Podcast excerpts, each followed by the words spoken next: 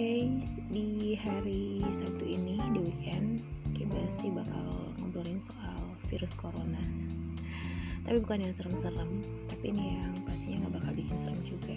Tapi pastinya ini di tengah kasus pandemi virus corona yang mulai menyebar ke 182 negara, sebetulnya ada apa ya hal positifnya juga sih yang harus kamu tahu juga. Karena kita itu kan sekarang itu lebih banyak kayaknya kok informasinya tuh kayak serem-serem semua kayak gitu. Padahal sebetulnya di balik yang serem-serem itu ada hal baiknya juga.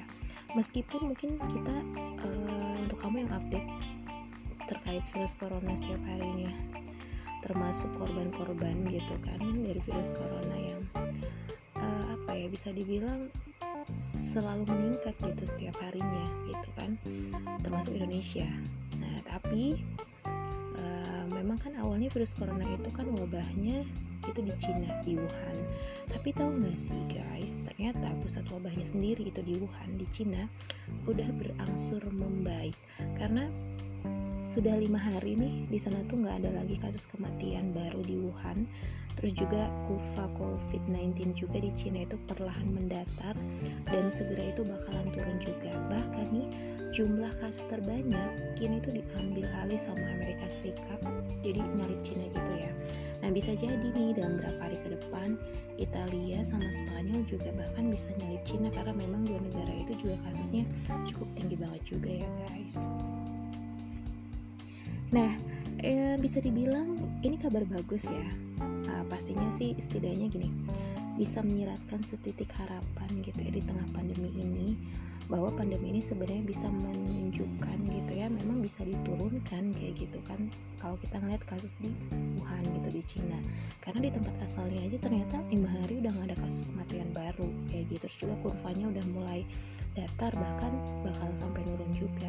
Nah kalau misalnya di sana udah bisa menurunkan kan otomatis mungkin ya sudah ada obat gitu ya yang memang bisa mengobati hal tersebut gitu.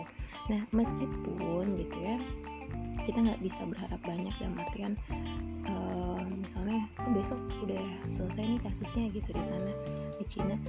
Tapi ketika mendengar Cina udah mulai membaik ini jadi angin segar ya bahwa pandemi ini bisa diakhiri. Nah ini tanda-tanda membaiknya Cina udah terlihat dari dibukanya lockdown Hubei dan tempat wisata itu di sana juga udah mulai dibuka kembali. Salah satunya adalah tembok besar Cina. Dan pastinya nih sesuatu parameter yang menunjukkan kasus penyebaran COVID-19 di Cina itu bisa dikendalikan karena memang dibukanya lockdown provinsi Hubei. Terus juga pastinya nih masyarakat Hubei itu bisa bernafas dengan lega dan bisa menghirup udara bebas juga. Tapi memang semuanya juga ya udah dibuka. Karena kota Wuhan aja ini bakal dibuka nanti 8 April. Wow semingguan lagi ya. Tapi memang uh, tadi ya nggak semuanya dibuka. Terus juga nih teman-teman wisata di sekitar Beijing juga udah dibuka kembali. Jadi kabar bagus kalau Cina udah jadi contoh negara yang bisa mengalahkan COVID-19 meskipun memang harus kehilangan sekitar 3.292 korban jiwa. Nah artinya negara lain ini bisa belajar gitu ya dari Cina terkait pengendalian COVID-19 ini nah nanti di 24 eh kemarin kemarin meski ingatnya hari ini 24 Maret. 4 hari yang lalu itu di 24 Maret tembok besar Cina udah dibuka kembali loh untuk umum. Nah terus juga ya meskipun begitu udah dibuka kamu tuh tetap bisa beli apa ya tiket online-nya. Tiketnya itu secara online dan juga tetap bakal ada yang pengecekan suhu tubuh sebelum masuk ke sana. Jadi bukan berarti ya ketika dibuka ya udah gitu kan nggak kayak gitu juga. Nah terus juga nih Dibukanya dari jam 9 pagi sampai jam 4 sore waktu setempat. Dan um, bisa dibilang apa ya ini tempat gitu ya udah ditutup hampir sekitar dua bulan karena memang wabah covid-19 juga. Tapi sekarang pengunjung bisa lagi nikmatin keindahan salah satu keajaiban dunia ini. Dan ingat ya tadi untuk beli tiketnya nggak bisa on the spot tapi lewat pembelian online. Terus juga nanti sebelum masuk ke sana itu bakal lakukan pengecekan suhu tubuh juga. Eh by the way tau gak sih gitu ngecekin tiket penerbangan tadi ceritanya ke luar negeri?